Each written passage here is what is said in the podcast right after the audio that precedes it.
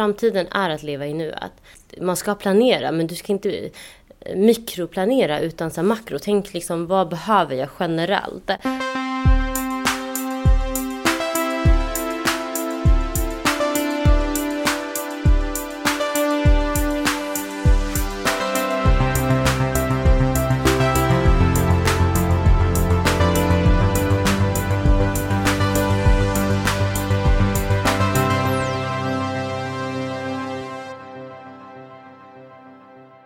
Välkommen tillbaka till Heja Framtiden, där är Christian von Essen. Idag är jag i Kista hos Däck Abikar i eh, något som heter Bling på Isafjordsgatan 39B. eh, kan vi inte börja? Ja, välkommen till podden. Tack snälla, tack för att jag får vara med. Tack för att få komma hit. Vad är Bling? Kan vi börja där och berätta lite om det? Ja, eh, Bling är eh, någonting vi grundade 2013-14. Egentligen liksom en, ska man säga, en sammankomst av entreprenörer försöka hitta lösningar på entreprenörskap. Så idag har det tagit form av att det är en eh, ideell organisation som arbetar med entreprenörskap som verktyg för att skapa förändring och tillväxt i samhället. Och hur många entreprenörer jobbar ni med? Eh, vi har ett medlemskap på ungefär 300 till 400, mellan 300, 300, 300 till 400 medlemmar. Eh, och har startat hittills 150 bolag. Så i grunden det vi gör är att vi erbjuder eller tillhandahåller verktygen för en entreprenör ska gå från idé till produkt. Eh, och det är så mycket de kan behöva. Allt från ja, men ibland bara så patentfrågor till mentorskap om hur man organiserar upp sin organisation och så vidare. Så att vi försöker vara den här pappan med alla kontakter. Mm. Ja, så brukar vi kalla det. Uh, och ni sitter mitt i Kista uh, där liksom de stora techbolagen mm. finns.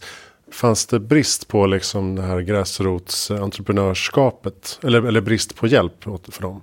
Ja, alltså det finns någon sorts glasvägg mellan eh, säg entreprenörer i gräsrotsnivå eller entreprenörer som inte riktigt bor i Sture eller går på Handels jämfört med alla andra. Och det är samma sak i Kista. Men liksom den här sidan av Kista där vi sitter, där är techbolagen och liksom Silicon Valley.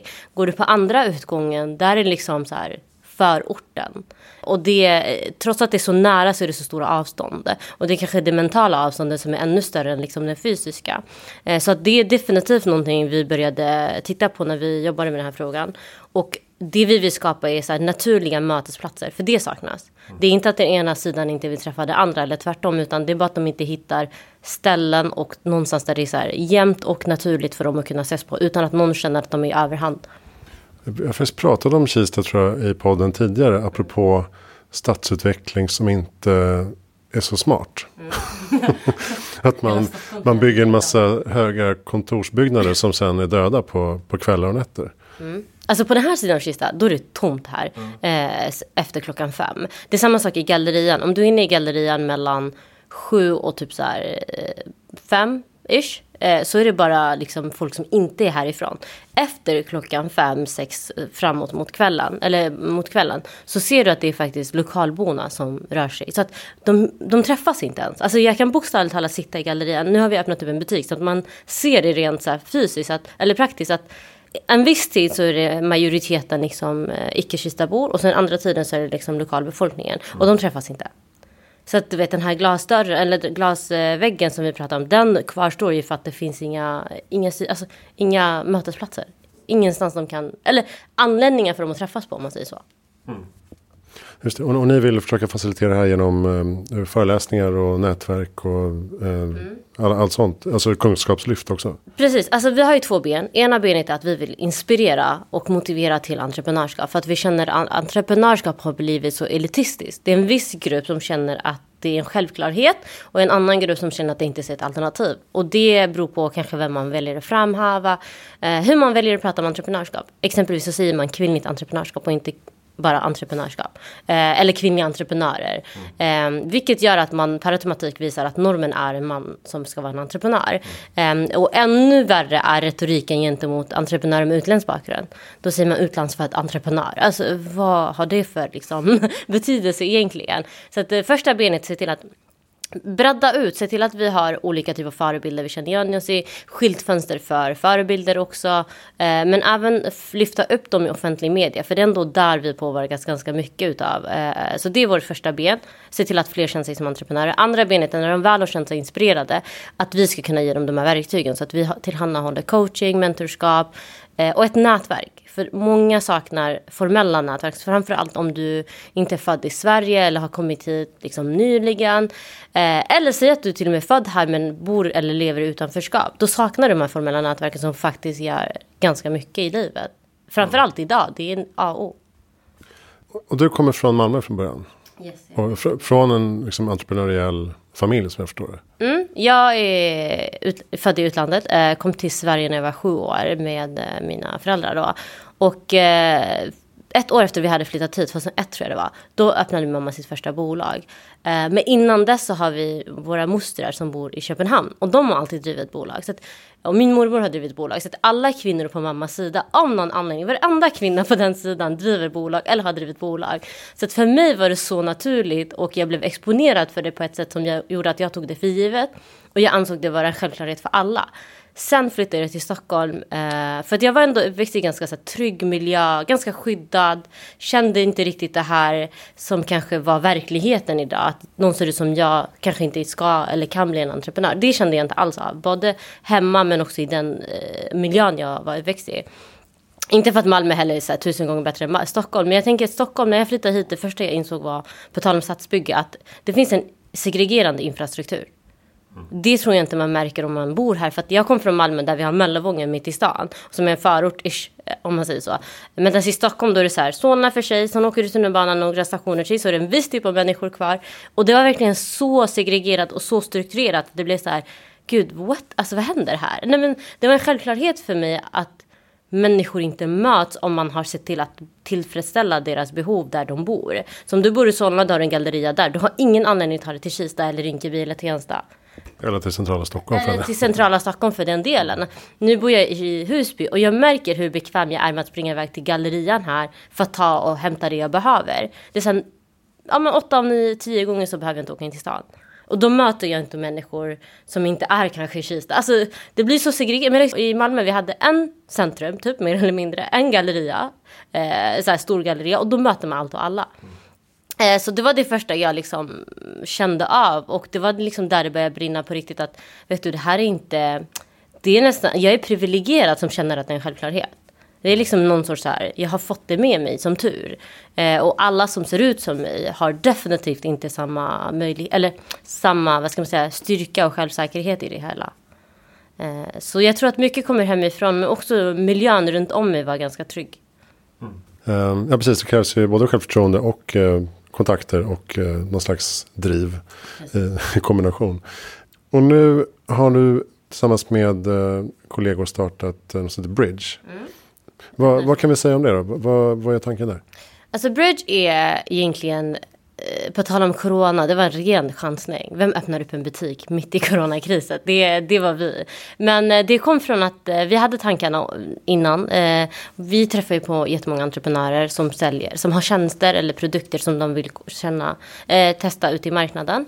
Eh, men många har inte kap alltså, säg att kap både kapacitet rent kapitalt men även självförtroende för att ta det här stora steget med att hyra in en lokal och ta de riskerna. Och det är ganska stora risker, höga risker, stora kostnader. Um, och det tar tid innan man känner att okej, okay, har det här gått bra eller inte? Ja, det kan ju vara så här, överlåtelseavgift på 300 000 för en lokal och sen så ska du ha sex månaders kontrakt eller årskontrakt. Årskontrakt brukar det nästan vara 9 av 10 gånger. Så att, och, och det tänkte jag för en entreprenör som nu börjar känna att entreprenörskap är för dem. Inte riktigt har kapitalet för att klara av det och inte riktigt vet om idén säljer eller inte. Alltså då tänkte vi okej, okay, vad kan vi göra för att våra entreprenörer ska känna att de kan testa marknaden snabbare, lyckas eller misslyckas liksom så fort som möjligt. För det är det man behöver egentligen. Man behöver känna på om det här går eller inte och sen påbörja nästa grej ifall det inte går. Um, då tänkte vi att, oh men gud vad nice om vi hade en butik. Och, och då lades tanken ner och det var allt det. Sen träffade vi på Citycon, början av coronakrisen. Och då pratade vi om, okej, okay, kan ni inte upplåta en butik då så ska vi göra, så ska vi skapa ny handel. Och det var mitt under krisen, så för de var så här, vänta, vadå ny handel? All handel håller på att gå åt skogen liksom. Eh, vi bara, men vi ska komma på ett koncept som ska faktiskt funka och det kommer liksom kunna kvarstå. Och då kom vi på Bridge som idag är eh, en butiksyta som ligger i Kista galleria. Eh, som är uppdelat i tre ben. Det första benet är handel.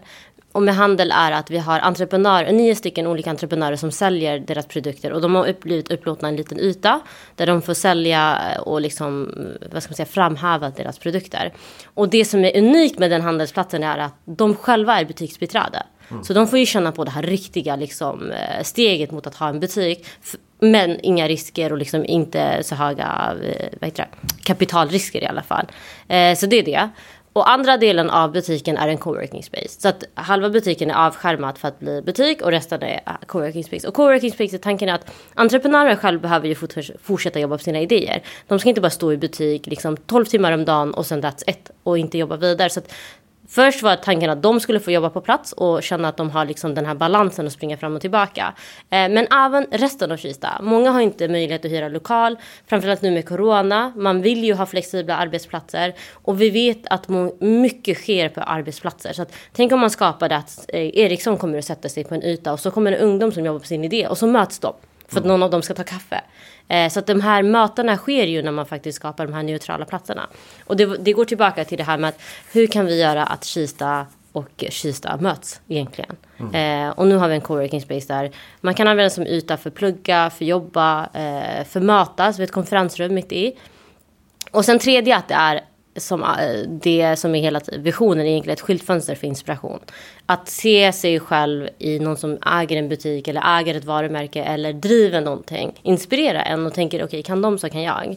Och det är kul för att vi har ju vi har jättestora så här, eh, glas, eh, vad ska man säga, fönstrar så att man ser bara in liksom rakt igenom hela mm. lokalen. Så att om du går förbi där så ska du känna att okej, okay, jag behöver inte alltid vara en äh, det, konsument när jag är inne i en galleria. Jag kan också bli en producent. Jag kan stå bredvid H&M och Jack and Jones som är vår granne och känna att okej, okay, kan de så kan jag.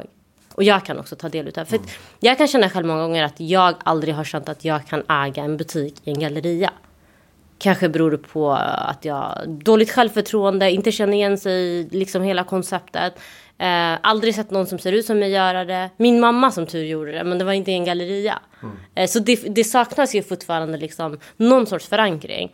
Eh, och nu ser vi att nu finns den här möjligheten. Och häromdagen så fick vi insatt 11-åringar som bara, men vi vill skapa någonting. Och så då pratar de med en av våra entreprenörer och bara, men vi vill göra armband. Och så har de börjat skapa en massa armband där inne. Och de är 11 år. Alltså det är så här, de kommer efter skolan varje dag, sätter sig där, jobbar på sin idé en timme, så åker de hem. Och du vet när jag bara branding och de bara vad är det? Mm. så du vet vi tänker så stort och, och, så här men det är så här resultat av att se någon man känner igen sig och känna sig trygg nog att ens gå in i en butik och säga jag vill skapa någonting. Jag tror inte 11-åringar Decca hade vågat göra det.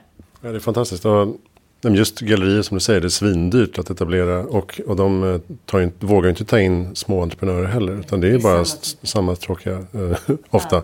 kedjor. Äh, min mamma startade en ordning och reda butik när jag var ung. Och, och den låg liksom i Uppsala på studentstråket. Och sen flyttade hon in i en ny galleria. Men det, det är också så här. Det är väldigt höga kostnader och man, ska, man betalar för den här exponeringen. Eh, så det är inte så många som orkar till slut. Men jag tänker på um, just det här som du säger. Det blir en marknadsundersökningsaspekt av det också. Mm, mm. Att stå och dema sin produkt och prata med hundratals människor varje dag. Precis. Då förstår man ganska snabbt om det här kommer funka eller inte. Ja. Ja, ja, alltså redan nu. Vi har varit öppna i två veckor och jag ser hur entreprenörer börjar tänka om nu när mm. de faktiskt. För det är en sak att sälja online. Det är, ja, det är ingen som fattar vad jag Nej, pratar om. vad säljer jag? eh, men det är en sak att sälja online. Och det är också det här med att pandemin har ändå tillåtit många att eh, öka i handel. Men det här fysiska är också ganska avgörande. Och vi får inte tappa det bara för att det har varit en pandemi mm. och att butiker och allt det här med eh, gallerior inte riktigt funkar på samma sätt. Det är därför vi känner att hade vi bara öppnat upp en handelsplats så hade det inte funkat. För att det, det är lite urvattnat och pandemin har ändå påskyndat det här med att det, det är inte det enda som kommer gå. Det kommer behöva showrooms snarare än butiker. Mm. Så att vår butiksyta är snarare ett showroom för varumärken och entreprenörer. En butiksyta och coworking spacet kompletterar ju så att du går inte in i butiker längre bara för att det är en butik och du ska handla. Så, nu har man ändå e-handel som har ökat. Man kanske vill ha en annan upplevelse, en större upplevelse. Man kanske vill träffa entreprenörer som har grundat det. Eh, så de här sakerna tror jag kommer hjälpa oss bli framtidens handelsplats. Det här är ju framtidens handelsplats, absolut. Ja, jag tror, jag tror inte längre på att eh, man kommer kunna behålla H&M som H&M. Man måste nog börja tänka om. Och vi ser att trots att vi har varit öppna i två veckor att det har gått hur bra som helst. Och vi har inte alltså vi öppnade efter laddning. Och nu är nästa laddning. Så att vi vet inte hur det kommer gå. Men det är kul ändå att se de här resultaten. Och entreprenörer är så peppade på att de får träffa individen och de får träffa människan. Människan får, alltså, kunden får träffa liksom entreprenörer och de kan ju sälja sin idé bäst. De vet ju allt från liksom, råvarorna inne i det till helhetskonceptet och varför. Tänk dig om jag fick pitcha bling varje dag. Liksom, då skulle du lätt kunna förstå det. Men om någon annan pitchade bling. Det kanske inte går hela vägen på samma sätt. Mm. Vad eh, behöver de betala för att stå där? Eh, ja, vi har ganska låga trösklar. Men vi har en omsättningshyra på våra entreprenörer. Mm. Så de betalar bara om de omsätter helt enkelt. Ja, okay. Ja. Uh, men, då får de möjlighet att testa så att de känner att okej okay, om jag inte säljer så, kan, så måste jag ändå betala och det är inte det utan säljer du så betalar du annars får du bara stå kvar och försöka testa på. Mm. Av en period på fyra månader mellan eh, de entreprenörerna. Så tanken är att Säg att de har varit där i fyra månader, eh, sålt sina produkter. De ska växa in i gallerian. Vi vill inte behålla dem i Bridge utan vi vill att de ska liksom få verktygen och den här liksom, eh, trappan in till att kunna ha en egen lokal. Så nästa yta de får är en pop-up yta tillsammans med Citycon utanför butiken. Mm. Och sen får de växa in i, i en vanlig lokal. Um, man kan ju tänka sig att det här är väldigt skalbart. Mm. Om man tänker på hur många gallerier det finns i Sverige och ja. uh, hur många som kanske kämpar lite nu då. Mm. Alltså, jag... Har ni tänkt något på vidare? Ja, vi vill inte växa i yta. Det har vi sagt. Vi vill växa i, alltså i kvantitet istället. Och tanken är att replikera det till hela Norden. Det här är någonting som bör funka i Köpenhamn lika bra som det funkar i Oslo. Så det har vi verkligen tänkt på. Så att om det är någon som är intresserad av det, det är bara att hojta till. Mm. Bra, men finns det risk att det kannibaliserar på Blinks verksamhet? Hur menar du? På vilket sätt? Att entreprenörer sitter på Bridge istället för Bling. Men Bling, alltså Bling blir ju så här huvudorganisation. Eh, så att i Bling exempelvis har vi något som heter Humanista, vilket är kvinnonätverk. Där vi når kvinnor bäst liksom inom den plattformen. Vi har en idétävling för att nå ut till de som känner sig eh, mannade att ta den resan. Eh, så vi tror ju inte att på alla vågar ta ett så här, rådgivningsmöte. Det är ändå för stort steg för vissa. Eh, och för andra är det nästan omöjligt. Eh, så vi vill ändå hitta olika tillvägagångssätt och nå huvudvisionen, vilket entreprenörskap ska vara tillgängligt för alla. Alla ska kunna starta företag på lika villkor. Eh, och när man tänker så här helhetskoncept så är Bling bara liksom ett tillvägagångssätt att göra det. Sen har vi Womanissa Bridge. Vill någon göra det via Bridge, alltså mer än välkommen.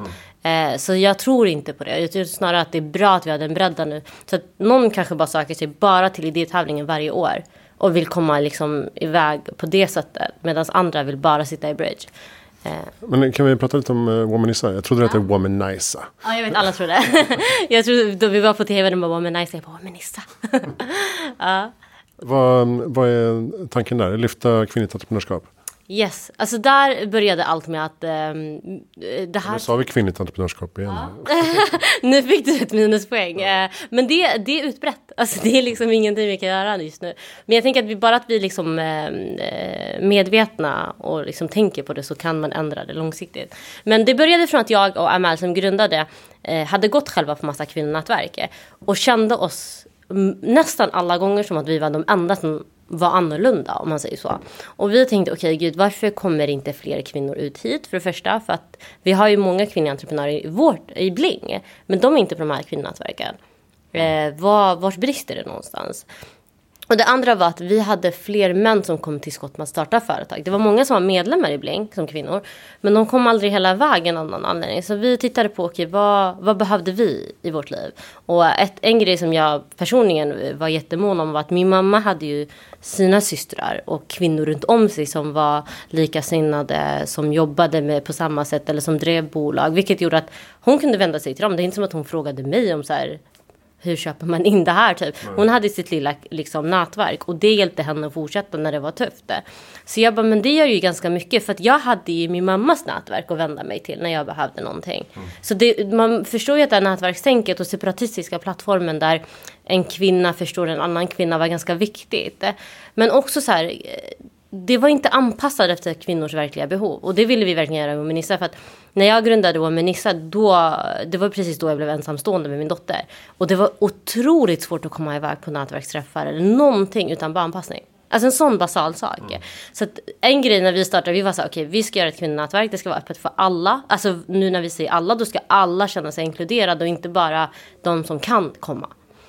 Så vi letade kvinnor på alla möjliga alltså öppna förskolan. Vi gick dit och bara, hej, vill ni vara en del av kvinnonätverk för entreprenörskap, men också karriär. Mm. Eh, och i det hela det vi jobbar med är självförtroendet och ge kvinnor bara verktygen att ta de stegen de vill ta. De behöver inte öppna bolag, men får de självförtroendet, då känner de att de kan göra vad som helst. Och det är det, vad som helst vi vill komma åt. Inte nödvändigtvis eh, starta bolag eller annat, utan de ska känna att de är mannade att göra vad som helst.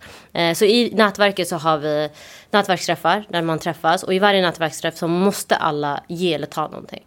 Ingen får gå därifrån om de inte ger eller tar någonting. Så att alla, det är en obligatorisk moment som vi gör. Eh, och det andra är att vi anpassar efter verklighet. Så vi har bara anpassning på varenda grej vi gör. Om det är workshop, om det är alltså, nätverk, om det är gala, om så. så det, det var jätteviktigt för oss att verkligen så fråga. Och än idag jobbar vi på det så att vi frågar kvinnor, vad behöver ni? Vad är det du känner att du behöver för att kunna nå din fulla potential? Säger du barnpassning eller att du behöver en skrivkurs, då gör vi det. Mm. Så det är väldigt formellt och informellt samtidigt. Så det är Womenissa i nötskal om man säger så. Vi försöker verkligen så här, skapa ett nätverk som faktiskt ger kvinnor riktiga verktyg för att nå sin fulla potential. Mm. Lyckas ni få, eh, är det Stockholms områdesbaserat? Eh, rent fysiskt eh, så är det det för att vi har ju de fysiska träffarna här. Eh, men vi har ett digitalt så här, nätverk som vi började faktiskt med nu under corona där man kan ta del ja, utav det här ge och ta momenten online. Och där har vi från hela Sverige. Mm. Just det, så att man, man går in med ett behov eller problem som Precis. man kan fråga om. Eller kan ge. Precis. Ja, just det. Jag såg att du skrev någonstans att du hade varit med om en olycka som gjorde att du eh, blev äh, fysiskt mm. äh, hindrad från massa saker för några år sedan. vad var det som hände? En glasskiva? En glas, ja, en glasskiva, eller så här, glasdörr, föll över mig. Eh, den var ganska lös och jag visste inte om det så den bara trillade ner. Eh, skadade upp hela mitt så här, fotled så mitt ben var liksom två olika ben, alltså så här, på varsin sida. Jättevidrigt. Eh, och eh, det gjorde att jag var sängliggande. Det tog mig två och ett halvt år att komma tillbaka. Och då menar jag komma tillbaka så jag kan gå fysiskt. Mm. Let alone resten av livet tog ju typ fem år att komma tillbaka till. Men eh, det, det var en svår period för att jag har alltid varit en person som är eh, too good för, liksom för myself. Alltså mina ambitioner, mina ambitioner är alldeles för höga och de ibland kan vara en negativ sak att de är så pass höga för att jag kan tappa bort mig själv och bara tänka ambitiöst. Mm. Eh, så jag har varit alltid jättedriven. Och jag gick kanske från att Ja, men säg det här är jättepåtagligt. Att jag gick från att träna sex gånger i veckan till att inte kunna hämta mat i min etta. Från kylskåpet i en etta på 20 kvadrat. Så att då förstår man vad, hur stort liksom, det här var. Och det var jobbigt, alltså rent psykiskt för att jag är en person som är väl, eller tänker väldigt självständigt och vill jättegärna klara mig själv så mycket jag kan. Och det är kanske negativt. Eh, men jag var ändå den personen. Och jag lärde mig ta hjälp under skadan. Jag lärde ju mig be om hjälp för att äta frukost, alltså för att äta mat under dagen. Annars låg jag där och bara hade ont. Så det förändrade mitt liv på så sätt att Tidigare var det ändå mycket så safecards. Jag visste att jag kunde bli en entreprenör. Jag pluggade samtidigt. Jag hade det kortet. Jag visste att jag typ ville jobba med FN-frågor. Alltså så här, femårsplan utan att tveka. Eh, och sen hände det här och då börjar man tänka om att okej vänta. Det är bra med planer men man måste höfta sig fram ibland för att man vet aldrig om, precis som corona, mm. ingen av oss hade nog anat att det här skulle ske. Och här står vi och försöker höfta oss fram till liksom framtiden. Så att eh, mm. det, lärde, det var en jobbig period men också typ det som har format mig till nästan det jag är idag. Jag skulle nog säga att det är som att liksom rebirth. Ja, just det. Ja, men det jag tänkte komma in på just att man kanske får en annan ödmjukhet i att så här, ja, men, framtiden är inte en femårsplan riktigt. Utan det är liksom det eh, här och nu hela tiden. Ja, ja nej, men jag lärde mig framtiden är att leva i nuet. Man ska planera men du ska inte mikroplanera utan så makro. Tänk liksom vad behöver jag generellt och sen kör där på. Och det, och det, där, det byggde vi också på Bling. Så att Bling jobbade väldigt mycket visionärt. Vi har, eh, när någon frågar vad jag gör nu om två år, jag, jag har inget svar. Jag vet bara vad jag vill nå upp, alltså uppnå om två år. Hur jag vill att framtiden ska se ut om två år. Sen tillvägagångssättet, det bryr jag mig inte om. Bara jag kommer dit. Samma sak under corona nu vad som gjorde att vi kunde ställa om snabbt och kanske öppna upp en butik mitt i det här var att vi visste vad vår vision var. Sen behövde vi inte liksom känna att hela vår verksamhet eh, fallerade för att någonting som corona har skett, utan tvärtom. Det var så enkelt att ställa om för att det var inget som var fast. Vi har ju en rot, men liksom det är inte byggt på det allting heller. Mm. Eh, och det har blivit också mitt sätt att leva livet, att tänka visionärt och tänka liksom vad vill jag uppnå eh, visionsmässigt och målen kan ändras hur mycket som. Mm, precis, man får inte låsa fast sig för Nej, mycket. jag tror att det är lite farligt. Det visar ändå corona, det visar lite varför samhället reagerar som det gör under krisen. Att vi har tänkt väldigt mycket så här, vi har det här tillvägagångssättet för att uppnå det här. Och sker det inte på så vis så släpp, så vet man lite inte vad man ska göra. Man står där och bara, okej okay, gud, vad gör jag nu? Och det känner jag att det är därför vi, det är därför kanske majoriteten är panikslagna. För att man har tänkt så här ska det gå till. Varför, om det här inte sker, vad gör jag då? Istället för att tänka, okej okay, det här är mitt mål, det här är min vision. Tillvägagångssättet har ändrats nu, men kan jag hitta ett annat sätt att nå dit? Ja, vi pratade lite om det innan, att det öppnas också ganska stora möjligheter för nytt sätt att tänka och jobba under mm. en sån här situation. Ja, jag tycker att det jämnar ut lite för att uh, the bigger doesn't get bigger liksom. The big doesn't get bigger om man säger så. Så att nu är det så här, okej okay, nu har alla en kris. Uh, och uh, det är lite så här survival of the fittest nästan. Vem överlever det här? Och vem kan tänka mest kreativt under en sån här period? Så jag tycker att det är jättehemskt med det som sker med att det skördar liv och att det går som det går. Men det finns en positiv sida där det är så här, det det är lite som du vet när man rubbar, när dina tankar rubbas lite så ger det möjligheter för nya idéer att växa fram. Och det är samma sak nu. Nu, nu, är, nu skakas hela världen. Och det ger möjligheter för nya idéer att komma fram lite snabbare än vad de kanske skulle göra om vi hade exakt samma ekonomi, körde på exakt som vi gjorde för typ ett halvår sedan. Mm. Ja, precis. Jag brukar säga också att det, det är nu man kan lägga fram helt nya förslag. Mm även politiskt, som, som inte alls hade kommit upp på bordet. Det är ganska häftigt. Och även andra rörelser. Se att nu att Black Lives Matter movementen exempelvis, att den har kommit på tapeten som den gör. Jag tror att det finns jag tror, det är person, jag tror personligen det är för att det finns en viss ödmjukhet i att vi tänker mer solidariskt nu. Och att vi är, självklart det här med globalisering och att vi kan exponeras för saker och ting mycket snabbare än vad vi gjorde tidigare och ha en världsperspektiv. Men också det här med ödmjukheten i människan har nästan tvingats fram. Nu tänker vi mycket mer solidariskt. Nu är det så här, okej, okay, jag håller mitt avstånd för att jag vill inte göra dig sjuk. Alltså, det tror jag inte vi gjorde tidigare. Vi var väldigt själviska. Det tror jag. Mm. eh, ja. Precis, men eh, det finns en sån eh, tankerörelse från eh, egosystem till ekosystem-tänkande. Eh, att vi alla är sammankopplade. Precis, och jag tror att är det en tid man kan, man vill skapa förändring så är det nu. Jag brukar säga det är time for, alltså det är now or never. Det, men det är för att allting är så rubbat så att ingenting har liksom sin grund på samma sätt. Kanske vissa saker, men ändå det generella och, eh, är att vi sitter i en situation där vi inte vet vad som händer om en månad. Eh, och det, det är inte jättenegativt, men det är också jättebra. För att då kan du också börja eh, lobba lite för det du tycker är viktigt. Så jag tror att Black Lives Matter movementen har haft en hel... alltså tack vare corona har det haft en helt annan effekt än vad det kanske hade gjort tidigare. Mm. uh, när jag pratar med till exempel Suduri Poli som driver Changes Hub som är liknande mm. uh, verksamhet nästan som, som Bling. Hon är också inne på det här att folk som också kommer från det här entreprenöriella har kanske en extra revanschlusta, lite kamp, sug. Mm. Kanske faktiskt har lättare att, att ställa om också i en mm. sån här krissituation. Mm, kanske. Jag tänker snarare de som... Grunden i entreprenörskap är väl att tänka optimistiskt och ändå vara lösningsorienterad.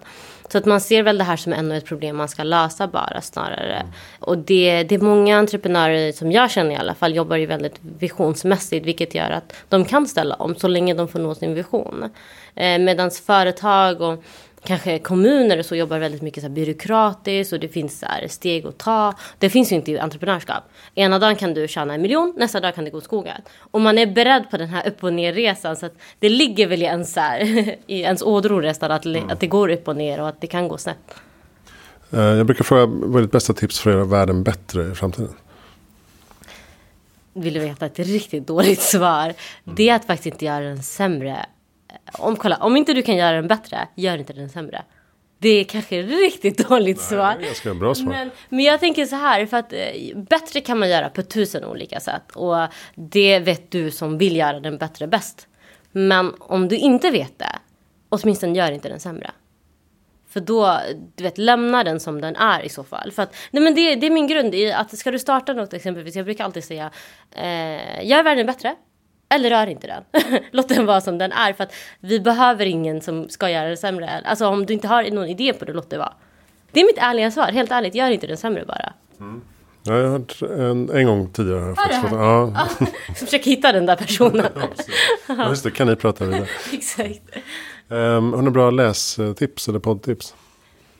Jag faktiskt, eh, jag har läst, nu har jag sagt det här i typ alla poddar, men eh, vad heter han? Gud, nu tappar jag bort hans namn, vilket är jättegalet. Eh, norskan. Eh, hotellen. Nordic. Alltså Petter Stordalen. Petter Stordalen, vad gör jag? ja, fredag eftermiddag, eller förmiddag. Eh, hans bok, den här eh, där han återberättar om sig själv, självbiografin. Mm. Den tycker jag är riktigt, Mina hemligheter tror jag den heter. Den tycker jag är riktigt, riktigt bra för alla som vill ta den här resan att läsa. För att man ser en bild idag som är eh, så här grandios och han är jätteduktig och han har han en skitstor personlighet och han har lyckats och han är miljonär, miljardär.